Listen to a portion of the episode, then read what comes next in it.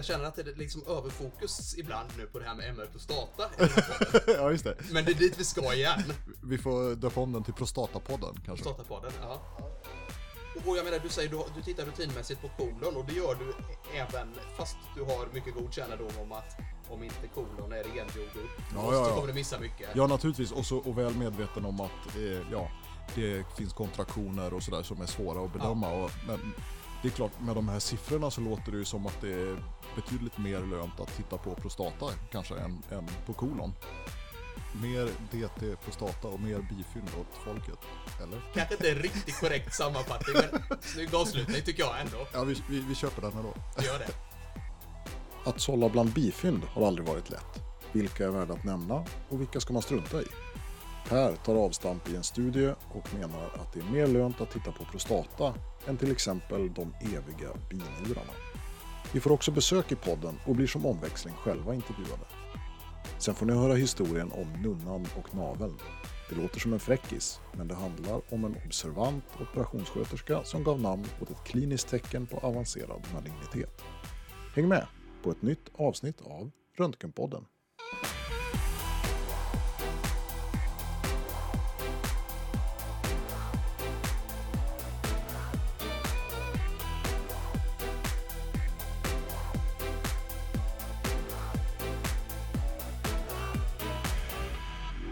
Jörgen. Hej Per! Vad kul att ses med mikrofonerna framme igen. Nu var det ett tag sedan. Nu var det ett tag sedan, som vi brukar säga. Precis. Ja. Vad har du gjort på den tid som har förflutit sen senast?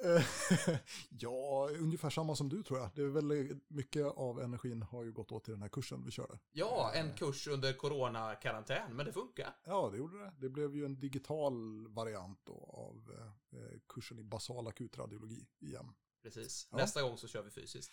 Nästa gång kör vi fysiskt. Det var ju tänkt att vi skulle gjort det från början, men så kom covid emellan. Eh, och det blev väl bra ändå tycker jag, efter omständigheterna. Men det ska bli roligt att köra så som vi hade tänkt från början faktiskt. Precis. Vi håller tummarna för det. Men det är ju, finns ju inga bevis än. Liksom. Det grekiska alfabetet är långt. Det här eländiga viruset kan mutera Ja. många gånger än. Ja, precis. Vi var ju inne på grekiska alfabetet lite i förra avsnittet. Så var det. Ja, omikron och sen kommer, har du läst på nu? Jag har haft eh, annat att läsa på.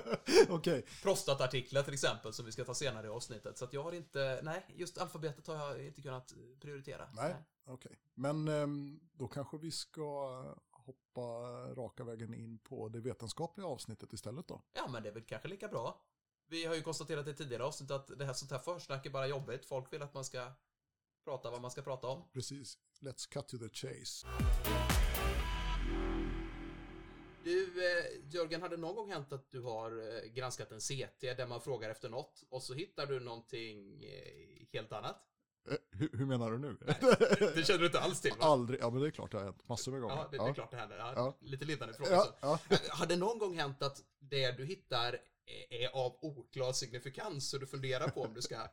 Nej, det händer ju aldrig, för jag vet ju alltid precis vad... Nej, men det händer ju också jätteofta. Förstås. Du förstår vart jag är på väg kanske? Eh, ja, jo, mer eller mindre. Ja. Ja, men för det här med bifynd och hantering av dem, det är ju, jag tänker det är någonting som är väldigt eh, viktigt, inte minst som allmänradiolog ju. Absolut. Ja, det, och det är ju något av det svåraste vi håller på med tycker jag, att bestämma sig för vad ska jag säga om det här, ska jag nämna det överhuvudtaget? Eller? Ja, men inte sant. Alltså en av kollegorna sa att ja, vem som helst kan ju säga att det här är svårt, det kan vara dittan, dattan eller duttan. Här måste vi göra eh, PET och MR med 32 sekvenser. Men, men att säga att ja, det här ser väl kanske lite avvikande ut, men det är inget farligt. Ja, Och sen ha rätt. ja, precis. Eller ännu mer, att bara att se något och sen tänka, kan det vara något? Och så komma fram till att det är det inte och sen inte säga någonting Nej, nej men det, överhuvudtaget. det, är det jag menar, Ja. så att säga. Att Ja, man gör den. Ja, tanken precis. in i huvudet. Ja, ja, Det är också något jag har tänkt på att har man väl sagt någonting överhuvudtaget, ja. om det så bara är att det är nog ingenting men vi garderar med cancer, eller det det, kan inte uteslutas efter Då gör man det mycket svårare att avfärda fyndet sen. ja visst. För man kan, man kan inte få det osagt liksom. Nej. Ja, Så att det gäller någonstans, tänker jag, att ha en lite högre ribba när man pratar om bifynd, där man inte har så att säga en klinisk anledning att tro att det skulle vara någonting. ja precis. Men det i sig, tänker jag, vilket då ska leda mig in på, på studien, det i sig är ju inte ett skäl att inte plocka upp allvarlig patologi om man kan vara ganska säker på att den föreligger även om ingen, Nej. även om ingen frågar efter den. Nej, men det är ju det som är det, det svåra och så att säga de- den gyllene nyckeln är ju att hur plockar man ut det som man vet är farligt eller som har tillräckligt stor risk att vara farligt för att vara relevant och hur struntar man i resten? Exakt, Ja. exakt. Och jag kommer ihåg att när vi var ST-läkare så hade du någon gång en eh, genomgång av en studie som tittar på sådana här förändringar i levern som är för små för att karaktärisera Mm, låga attenuerande förändringar.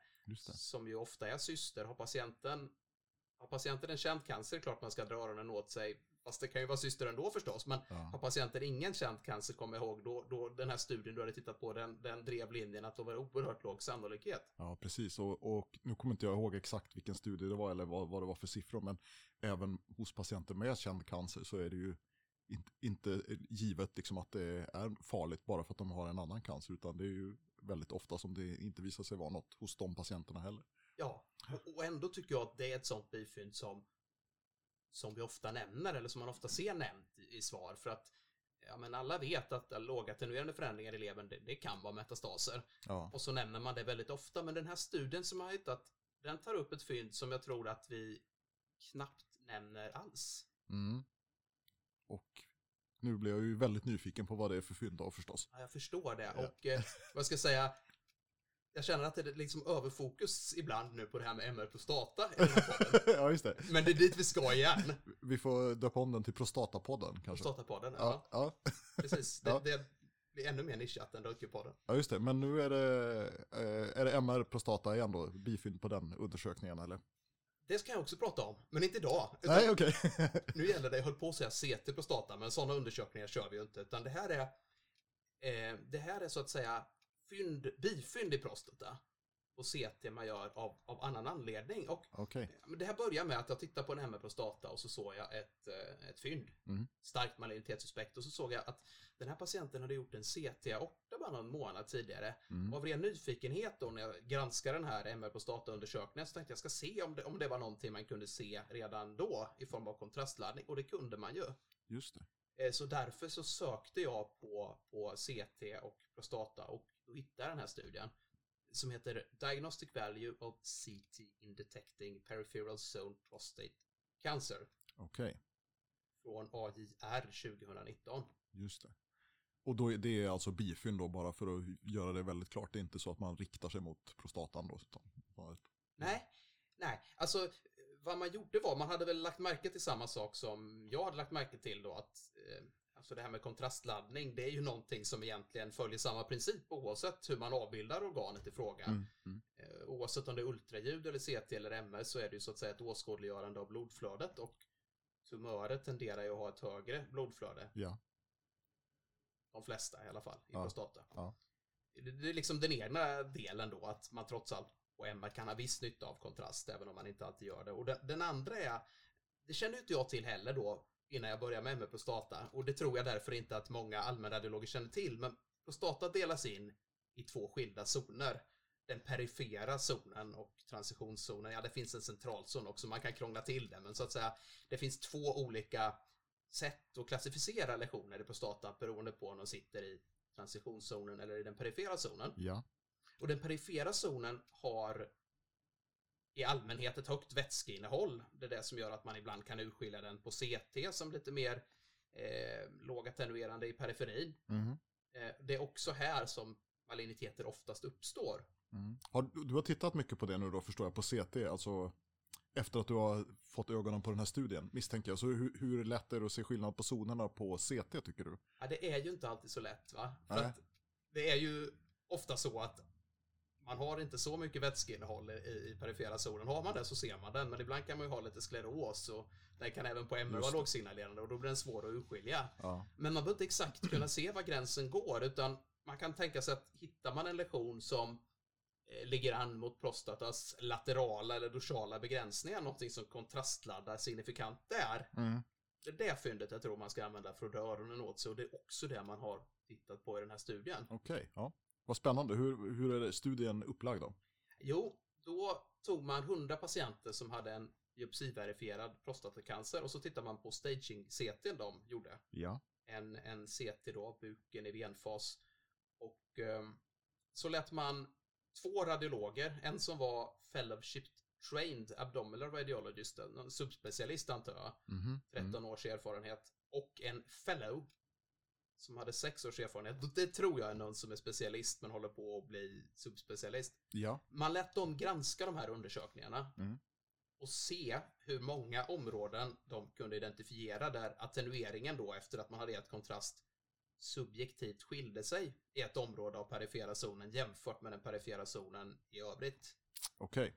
Och så fick de göra samma sak på en eh, annan grupp patienter, hundra andra män i samma ålder som också hade gjort en CT men där man inte hade någon information om att det skulle finnas prostatacancer. Okej. Eh, Och en rent subjektiv granskning, sen de områden de väl selekterade, de gjorde man lite mätningar på för att kunna beräkna då. Ja. också. Och hur många cancrar tror du de hittade av de här hundra? Alltså man visste att det var, det, det fanns hundra cancer och alla de var belägna i perifera zonen då, antar jag, för att det ska vara meningsfullt att studera. Ja, jag utgår från det. Det står ju peripheral zone Ja. redan i rubriken och det är ju det som är grejen i, i transitionszonen då. Om vi ska prata mer prostata så finns det ju många sådana här Ja, BPH-noduler just som också tenderar att kontrastladda. Mm.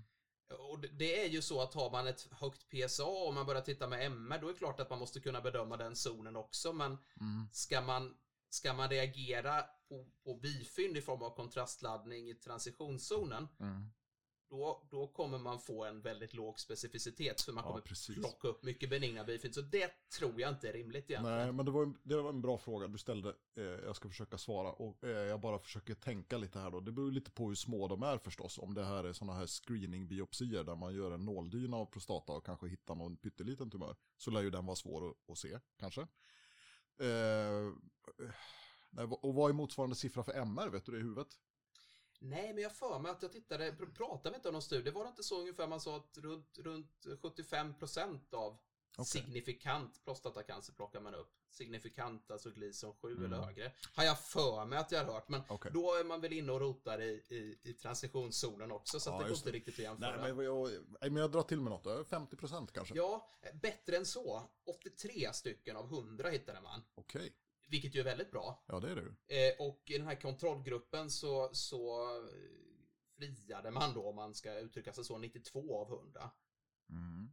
Vilket ju antyder för att, att det finns en både, både hyfsad sensitivitet och specificitet på det här sättet. Då. Ja, verkligen. Vad intressant. Eh, och ja, jag tycker också det är jätteintressant för alltså om man då istället för att titta på levern efter lågattenuerande förändringar, om man Mm. istället bara slänger en blick på prostata, bara hugger på fynd som är väldigt tydliga i perifera zonen. Mm. Bara det faktum att man känner till att det finns två zoner och att kontrastladdning kan vara ett tecken på malignitet. De Ja, har ju visst. kommit jättelångt som, som radiolog. Va? Ja, och det, för det var, du sa att det var vanliga DT-buk med kontrast i venfas. Det är ju Ja. sådana som passerar i parti och minut då, på alla möjliga frågeställningar på en röntgenavdelning. Så att det finns ju gott om, gott om tillfällen att titta där så att säga. Ja, precis. Och sen, alltså grejen är ju den att jag är inte säker på att det är det säkraste sättet att hitta någonting. När man gör MR då gör man ju många, eh, alltså man, då tittar man ju dynamiskt på kontrasten Ja. och det finns olika sätt att, att bedöma det. Men alltså det är ju ganska snyggt att i och med att Ja, man visst. tittar på just vanlig vedfas, då får man ju det material som man oftast får hos patienter som, som gör CT av en annan oklar anledning. Just det. Var, var det jämfört i den här studien, för patienterna hade biopsiverifierad prostatacancer. Ja. Om man tittade på CT, hade, man hade patienterna också gjort en MR som man tittade om man såg tumören på den undersökningen, eller? Och Eh, vad motsvarande siffra var då på MR-undersökningarna? Inte i den här studien. Jag är frestad att gå till, till den vanliga kommentaren om att här behövs ju forskning. Ja, ja, men det hade ju varit intressant att se faktiskt. Men man ska väl också säga då att eh, det finns en del svagheter i studien som de nämner här. De, de hade nämligen exkluderat en del eh, patienter. Bland annat patienter med signifikant prostatahyperplasi och kalcifikationer och grejer. Så att det var väl kanske, Mm. Man hade krattat manegen lite för att kunna hitta de här cancerna om man säger så. Mm. Ja, det låter ju som att det skulle kunna eh, eh, sminka siffrorna lite. Ja, och också det faktum att man hade ett patientmaterial. Alltså nu är prostatacancer en vanlig sjukdom, men ett patientmaterial där varannan hade cancer är ju, det är ju inte en, en normal spegling av verkligheten så att säga. Nej. Nej, det är det ju inte naturligtvis. Men det är ju, det är ju ändå så här, det är som du säger, det är ju en väldigt vanlig cancerform och det är ju rimligt att titta efter dem på samma sätt som, jag vet inte med dig, men för egen del så ingår det lite så här i den ryggmärgsrutinen att på en buk så tittar jag försöker jag alltid titta igenom kolon lite snabbt. I alla fall om patienterna är äldre än du och jag liksom. Eh, eftersom det är så pass vanligt med, med kolontumörer och ser man någon stor bumling så är det ju värdefullt att hitta det liksom. Ja, men precis exakt dit jag vill komma. Vår kollega Roddy Brun som du jobbar med här, han berättade, Ja. han kom hem från han hade väl gått den här thoraxkursen i Storhakna tror jag och han sa att Mm. den som föreläste där eh, på en av föreläsningarna hade haft som, som mål att man skulle ta bort skotomet, alltså den blinda fläcken som Mm. radiologer hade för hjärtat. Ja, För det finns ju betydligt bättre sätt att studera hjärtat än, än CT naturligtvis med Ja. UKG och skintigrafier och, och MR och så vidare. Men, men ser man något så ser man det. jo precis, icke desto mindre så kan man ju se väldigt tydliga förkalkningar i aortaklaffen till exempel. Eller det finns ju eh, the odd myxoma som dyker upp och sådär. Så Ja. det är ju klart att det ska man ju hitta. Och, jag menar, du säger du, du tittar rutinmässigt på kolon och det gör du även fast du har mycket god kännedom om att om inte kolon är rengjord och uppblåst Ja, ja, så ja. kommer du missa mycket. Ja, naturligtvis. Och, så, och väl medveten om att eh, ja, det finns kontraktioner och sådär som är svåra att bedöma. Och, men det får man ju ta när man, när man hittar något som man funderar på så att säga. Och försöka göra en värdering av det fyndet. Och det är klart, med de här siffrorna så låter det ju som att det är betydligt mer lönt att titta på prostata kanske än, än på kolon. Eh, alltså om, om, det, om det är så hög hitrate så att säga. Ja, men lite så. Jag, jag försöker liksom inte säga så här att Sluta den titta som på grans... kolon. Nej, precis. Jag försöker inte be dig sluta titta på kolon och jag försöker inte heller säga att den radiolog som inte tittar på prostata på varje CT thorax buk begår ett stort tjänstefel. Men jag Nej. inbillar mig att om vi liksom är medvetna om det här så kan vi, kan vi hitta patologi och kanske plocka upp en och annan malignitet i tid för att patienten ska kunna botas istället för att få en spridd sjukdom. Om man jämför med rutinen att alltid titta på binjurarna. Så, så, så känns det som att det här är, kommer ge betydligt fler relevanta fynd. Då. Ja, men det, för det, det är ju en fantastisk slutsats du drar där. Alltså, binjurarna, det är ju väldigt vanligt med bifynd. Ja. Väldigt ovanligt med maligna bifynd. ja, väldigt, väldigt ovanligt. Medan i prostata så är ju tyvärr en stor del av de bifynd som finns cancer. Ja, precis. Ja, men det var ju spännande studie. Har- Och, och du sa att du hade tittat på det här själv då på en patient som du visste, ja du blev nyfiken och gick tillbaka på, på en tidigare gjord CT och, och tittade på. Ja, eller, eller alltså faktum var att jag, jag använde den tidigare CTn i min bedömning. Vi gör ju inte alltid Ja, ja, undersökningar med kontrast. Okej. Oftast inte. Vi använder det om man kan tro att diffusionssekvenserna blir dåliga om patienten har någon eh, plastik eller så. Mm. Eh, så, så på den här patienten så fanns ju ingen kontrastfas. Och då så, när jag såg att patienten hade gjort en aorta, då tänkte jag jag ska se om kontrastfasen där kan stärka mig min misstanke om att det är någonting jag har identifierat där. Och, och det gjorde det. Just det, men har du eh, sedan du läste studien och kanske börjat titta på prostata även på undersökningar som inte har den frågeställningen, har du sett något malignitetsmisstänkt på någon sån undersökning? Ja, men det har jag gjort. Fast jag tror inte jag på någon annan. Jag får mig att det var en MR-rektum den gången. Okej. Ja, det var inte en CT då alltså? Nej, Nej.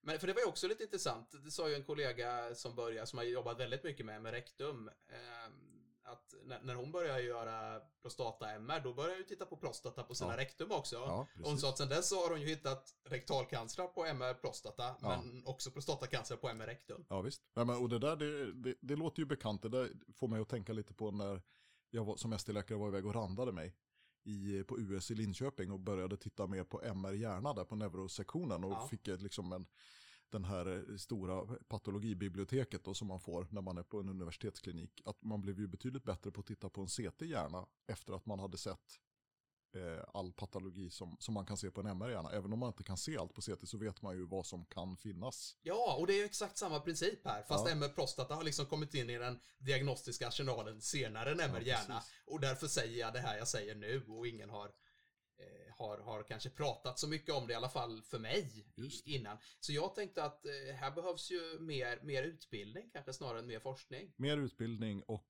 mer DT prostata och mer bifynd åt folket. Eller? Det kanske inte är en riktigt korrekt sammanfattning, men snygg avslutning tycker jag ändå. ja, vi, vi, vi köper den ändå. Gör det. Det är bra. Välkommen tillbaka till Röntgenpodden, Sara Wallby. Tack så mycket. Du är den första gäst som är med i Röntgenpodden mer än en gång. Mm. Och lyckligtvis är du inte med i det avsnitt du skulle varit med i, för då då hade jag fått stryk i sändning i, i Jörgens tågtävling. Ja, det hade du fått. Men- Såklart. Men du har lyssnat på, Jag har lyssnat. på inslaget? När jag hörde, när, när jag hörde Per skvallra i fikarummet om att jag var eh, nämnd så var jag tvungen att lyssna. Ja, hur gick det för dig då? Slog du Per eller? Jag slog Per. Mhm. Mm.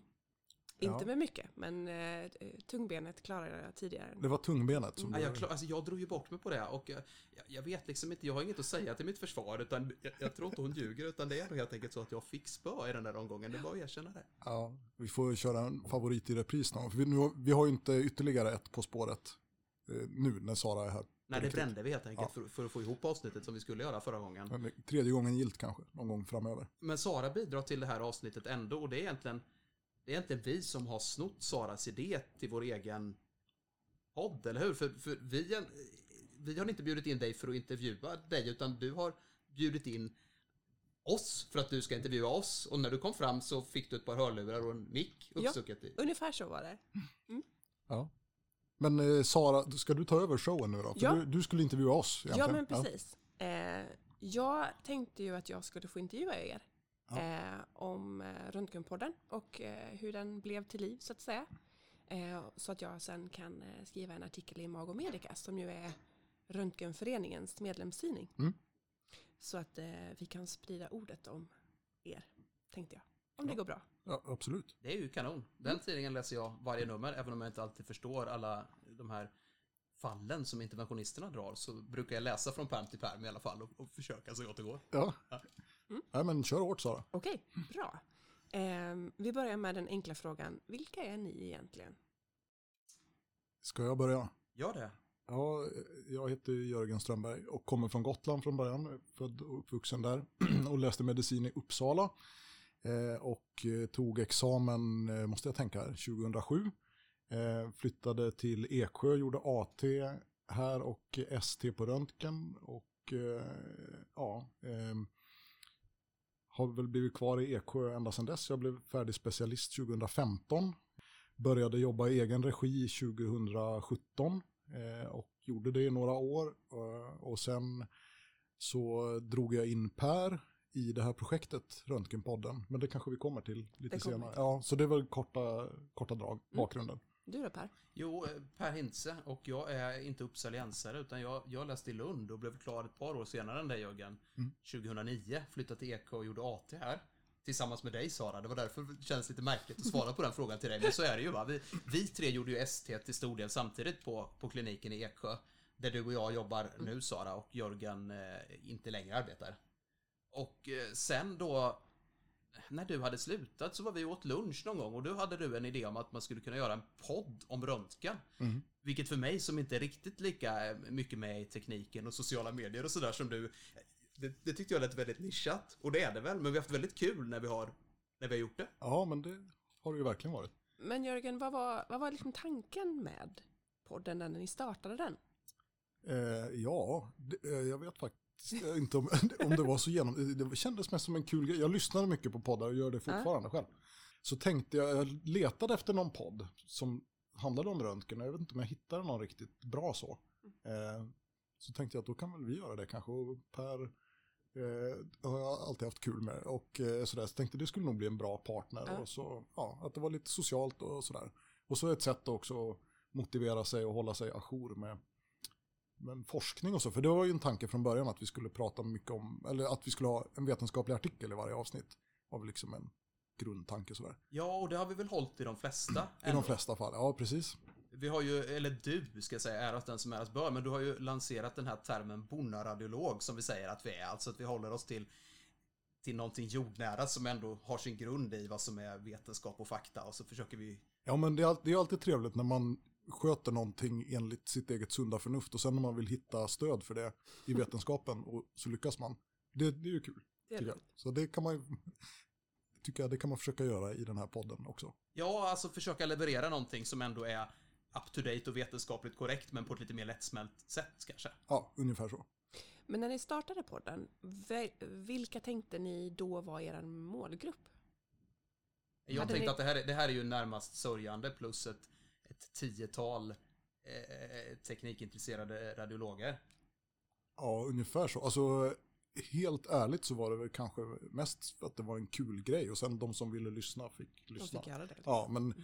och då blir det ju lite att det är de som är i ungefär samma situation som jag själv. Så kanske ja, men radiologer i första hand och övriga som jobbar på röntgen kanske i andra hand. Fast det har ju, ja, alltså röntgenfolk helt enkelt. Hur är det med era lyssnare nu då? Vet ni ungefär vilka de är och eh, hur många de är? Ja, hur många de är vet vi ju i alla fall ganska bra. Alltså när vi släpper ett avsnitt då brukar det komma 200-300 lyssningar ganska snabbt. Så. Ja, precis. Och när man, om man tittar några, man kan ju titta på den där statistiken och det, det, det liksom... Jag har väl ingen jättenoggrann koll, men om man kollar in på de avsnitt som har legat uppe i någon månad eller mer, då, då brukar det vara ganska exakt 350-400 som har lyssnat. Och något avsnitt är mycket fler. Jag antar att det är för att det från början blev populärast, så det kanske ligger högst upp på sådana här poddtjänster. Men Ja. jag antar att det ändå finns en hel del som lyssnar ganska frekvent som inte har en aning om vilka det är. Mm. Men sen kan man ju se, man kan ju få statistiken nedbruten på ålder och kön också. Och det är väl åldersgruppen är väl ungefär i vår ålder kan man säga, alltså 30-40-åringar. Så. Eh, så. Då misstänker jag att det kanske är rätt mycket ST-läkare. Ja. Så. Ja.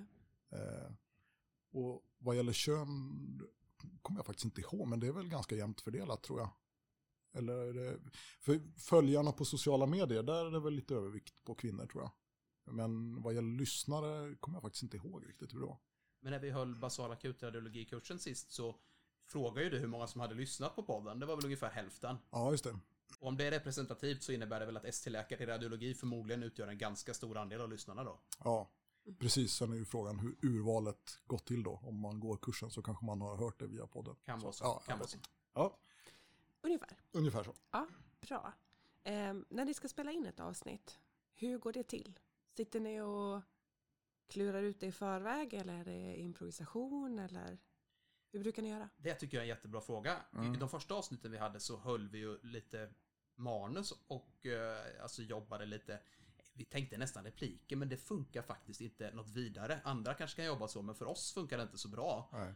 Utan nu är det egentligen spontanitet som gäller och de här inslagen som är lite mer kåserande, de, de kör vi ju fritt. Däremot, däremot de vetenskapliga artiklarna tycker jag det brukar vara bra att spalta ner i lite, lite minnesanteckningar om det ska bli något vettigt av, liksom om man ska komma ihåg siffror och, och, och forskningsupplägg. Och. Ja, och innan vi sätter oss så har vi ju kontakt, eh, chattar lite och sådär om vad ska vi prata om och den här artikeln kunde vara intressant och så vad visar den och vad har det för liksom, relevans för det praktiska jobbet och liksom vad man ska ha för vinkel på det.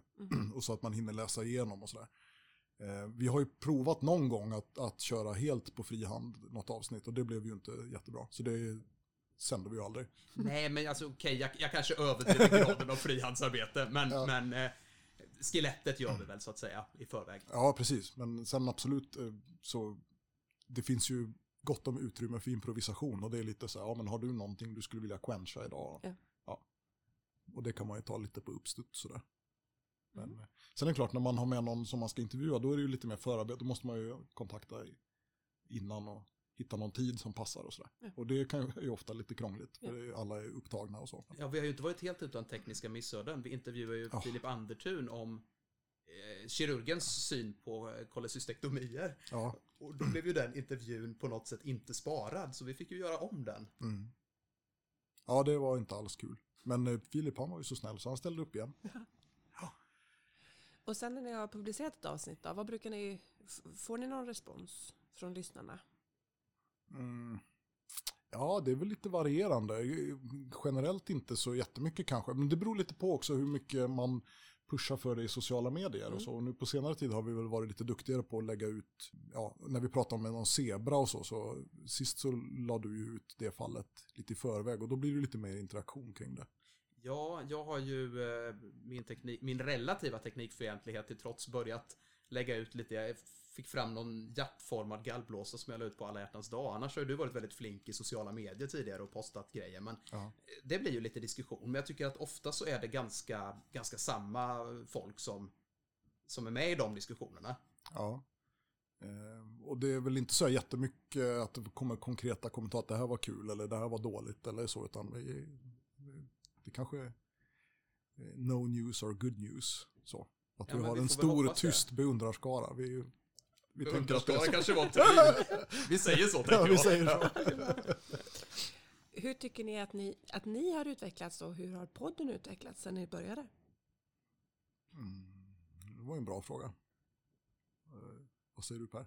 Ja du, alltså hur podden har utvecklats, alltså sättet vi spelar in på så att säga har väl blivit, blivit lite mer löst. Ja, Hur vi själva har utvecklats, det, jag vet inte om det är, jag- kan inte känna att det är någon stor skillnad. Det är möjligt att man skulle kunna fånga det om man lyssnar på, på avsnitten i efterhand, men eh, ja, tänkte du om det har tillfört oss något? Alltså att Nej, men- vi har lärt oss något medicinskt av poddandet eller? Nej. Nej. Utan mer liksom hur, hur ni har utvecklats som poddare. Mhm.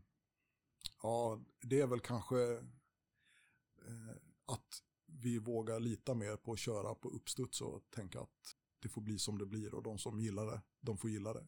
Lite så tänker jag i alla fall. Jo, Mer, mer det- nu det är än i sant. början. Och kanske lite utvecklat det interaktiva momentet. Folk vill ju gärna vara delaktiga och det är klart, lägger man ut en zebra på, på Facebook så kan eh, folk eh, känna att de är med. Det var ju lite roligt när jag la ut den här, det här fallet med den, den eh, eh, migrerande pseudolipomet i Glissons kapsel och en gammal kursare till mig knäckte det fallet på 15 minuter. Ja. Väldigt roligt. Men sen har ju podden också renderat i en del sidoprojekt. Sen kanske det inte är podden i sig, men, men ni har ju en del sidoprojekt utöver podden ihop, Mm. eller hur? Precis, och det... Hur, hur kom vi in på det? det var, var inte det din idé, det här med kursen för i Jo. basal akutradiologi från början? Ja, precis. Alltså det, det blir ju lite spretigt det här, men det börjar ju med podden, det var din idé, och så Mm. kursen var min idé. Eh, jag vet inte exakt hur det gick till, men i samband med något poddande i alla fall så började vi diskutera en text i Mag och Medica ju. Var det du rent av som hade författat den, fast på uppdrag av studierektoren? Eller Ja. hur var det? Att det, Jo, det, men jag har skrivit en text om kurssituationen i Mag och Medica. Och det var ju den som vi intervjuade dig Precis. om när du var här. Men då vill jag minnas att er kurs redan var sjösatt. Jag kommer inte ihåg tidslinjen riktigt, men för jag åkte ju, var ju iväg och jobbade utomlands ett halvår mitt i alltihop. Och då skulle vi spela in ett avsnitt på distans hade vi tänkt. Att jag skulle sitta i Thailand och du skulle sitta i Sverige och så skulle vi podda ihop ändå. Ja, det var det som blev pannkaka. Det blev aldrig pannkaka. sänt, Nej, det blev aldrig sänt, men då, då snackade vi istället lite om eh, det här kursprojektet. Och det var väl lite då som det tog form på riktigt. Va? Dessförinnan, hade vi pratat om det innan jag åkte iväg? Jag kommer inte ihåg riktigt. var. Nej. Nej, det är möjligt att, att, att idén redan fanns när det stod om det i Mag och Medica. Men det gav i alla fall en skjuts åt eh, projektet, så att säga. Mm. Och eh, att vi valde den här kursen i basal akutradiologi, det hade väl att göra med att den kursen kom jag aldrig in på själv. Så där visste man att det fanns ett behov och dessutom kändes det som ett område som vi som allmänradiologer var skickade att att utbilda folk i. Precis, och så både du och jag tyckt, alltid tyckt det varit roligt med undervisning och föreläsa och sådär. Så ja, det precis. kändes som en kul grej att hoppa på. Och nu planerar ni tredje omgången, det stämmer va? Ja, det stämmer. Vi körde ju, första omgången var ju vecka 20 förra året. Andra omgången har vi nyss kört då, vecka 5. Eh, och det var ju digitala versioner båda två. Från början tänkte vi att det skulle vara en fysisk kurs. Ja. Och sen kom covid emellan. Ja, alltså till den kursen vi hade nu vecka 5 så tänkte vi från början att men då kör vi fysiskt den gången. Mm. Och sen kom covid delta. Och då var jag lite orolig för man vet aldrig vad som händer med det här delta. Det är kanske är bäst att köra digitalt. Och delta kom och delta gick och ingen brydde sig och man kände sig liksom lite löjlig som hade styrt om det här till ett digitalt projekt. Och sen kom omikron. Mm. Så att när vi hade den här andra upplagan, det var ju en annan, en annan fråga du la in där. Hur många har covid eller har en familjemedlem som har covid? Det var kanske inte jättemånga, men däremot i föreläsar och seminarieledargänget Ja. så var det ju... En, en majoritet, helt Ja. klart. Det var en handfull som inte hade covid, men övriga av oss föreläsare hade ju, eller hade någon i familjen som hade bekräftad covid. Så det Mm. var ju maximalt illa vald vecka egentligen. Eh, Det var ju tur att det var en mild variant då, som gjorde att det gick att köra i alla fall. För vi behövde ju inte kasta om eller ställa in någon föreläsning eller så. Men, eh, ja, så den blev digital. Men nu så, eh, det finns ju ett stort behov. Det var en lång kölista till den Mm. kursen vecka fem. Eh, Och eh, då har vi bestämt att vi ska köra en till vecka 39 nu då. Och den ska vara fysisk. Här i Eksjö. Här i Eksjö, precis. kul. och det är ju då God willing, Mm. inshallah. Så att eh, vi får hoppas att det inte blir någon covid. I så fall får vi göra om den till digital version. Mm. Det är inte svårare än så, för det har vi gjort nu då, så det vet vi hur man gör. Men det, Ja, vore, alltså, det vore hur- kul att köra en på riktigt. Ja, faktiskt. eller hur? Men rent tekniskt hade det nästan varit lätt- lättare att köra den digitalt, för nu har vi börjat sitta och jobba på sådana här grejer som, ja, vad händer med bandbredden när det sitter så många samtidigt och Ja, ner och precis. titta på dem? Ja, det är lite liksom. praktiska grejer som vi inte har behövt att oroa oss för med de digitala kurserna hittills. Nej, det tror jag inte riktigt vi fattade, att, alltså att även det digitala formatet har ju sina fördelar. Om man har en seminariegrupp där varje student ska förevisa ett fall, då är det ju idealiskt om de sitter och tittar i fallet och delar det med resten av seminariegruppen så alla kan se Mm. via sin egen skärm. Det är lite frågan hur man löser fysiskt då. Då får man ha någon form av ja, stor projektor och någon dator. Ja, det, Mm. det är lite sånt vi håller på att jobba på. Vi är inte helt säkra på hur det ska gå till, men det Nej. kommer vi att lösa såklart. Ja, ja, precis. Det är sånt man får tänka igenom. Och sen har ni gjort något projekt tillsammans med Ortopodden också då? Mm. Precis, det var ju också en kurs. Den var ju lite kortare då, för den här akutradiologikursen, den var ju en veckolång kurs. Mm. Mm. Eh, är en veckolång kurs. Eh, men Rambo-kursen som vi kallar den för med ortopodden, eh, den var ju två dagar då. Så den körde vi som fysisk kurs i höstas i Helsingborg. Och nu ska vi ha en till version som blir digital då i slutet på april. Ja, den tog väl sin början i podden också, för det var ju så att du hade uppmärksammat att det fanns en kanske lite större och vad ska jag säga, kanske ärligt talat lite mer seriös podd i den medicinska världen, nämligen Ortopodden. Ja, eh, Som eh, Malin Zimmerman som ortoped nere i Helsingborg höll. Och så, så började det väl med att vi gjorde ett, ett avsnitt tillsammans ju. Ja, precis. Det var, det var egentligen mest att intervjua henne, oss poddare emellan sådär. Eh, och lite höra hur hon jobbar och hur hon ser på sitt poddande och sådär. Eh, och så kom det ju upp då det här med idén om en kurs, alltså medan vi eh, pratades vid då, helt enkelt. Ja, för det var ju den vevan vi höll på och planerade den andra kursen. Ja, precis. Och det var väl så vi kom in på det kanske. med Att, eh, ja, vi pratade om den kursen som vi hade som sidoprojekt och då kom Malin in på att det, det säkert fanns behov av lite radiologisk utbildning för ortopeder. Kul. Vad eh, ligger i pipeline då? Nu ska- Eh, nu ska ytterligare vi- ett sidoprojekt eller? Eh, Ehm, ja, alltså ehm, vi har ju pratat om att eh, vi ska försöka få till lite mer intervjuer i inslagen. Eh, för det är ju uppskattat och det är roligt också tycker jag att ha, ha folk eh, som kommer med sina synpunkter. Och så har vi pratat lite om röntgenveckan kanske. Ja, men vi har... Det här är nog kanske inte helt realistiskt. Vi har över kaffet pratat om vad liksom folk med stora poddar gör. Var det inte några som fyllde Globen när de spelade in? Ja, Vi, skulle fylla aulan på röntgenveckan, eller hur var det? nej, precis. Vi, vi nöjer oss med Ja. Skandinavium. Vi är lite modesta. Nej, men alltså röntgenveckan, där det är ju mycket folk från hela landet som kommer. Och det är ju egentligen jättebra tillfälle att träffa, just det. eh, träffa på folk i röntgenvärlden. Och passa på att intervjua så många som man hinner. Så det, har vi, det, men det var, har vi pratat om bara idag, så det är ju väldigt löst. Vi får väl se hur det blir med det. Men det Ja. vore kul om det gick att få till. Absolut. Ja, men vi hade väl en tanke. Alltså det är ju roligt när man poddar och man har lite gäster. Men som vi sa innan, en logistisk utmaning. Telefon funkade, vi har kört några gånger, men jag uppfattar att ljudkvaliteten blir lite lidande. Så man skulle ju kunna tänka sig om man, om man någonstans var på ett ställe där det finns gott om röntgenfolk, då skulle man ju kunna banda ett antal intervjuer och alla skulle man kanske inte behöva göra ett avsnitt av, utan man kunde klippa lite i lugn och ro sen. Ja, Kanske. ja precis. Då får vi hoppas att vi ses i Göteborg då. Mm. Tack så mycket Ja, tack för själv. att jag fick eh, komma och prata med er lite. Tack själv Sara. Mm.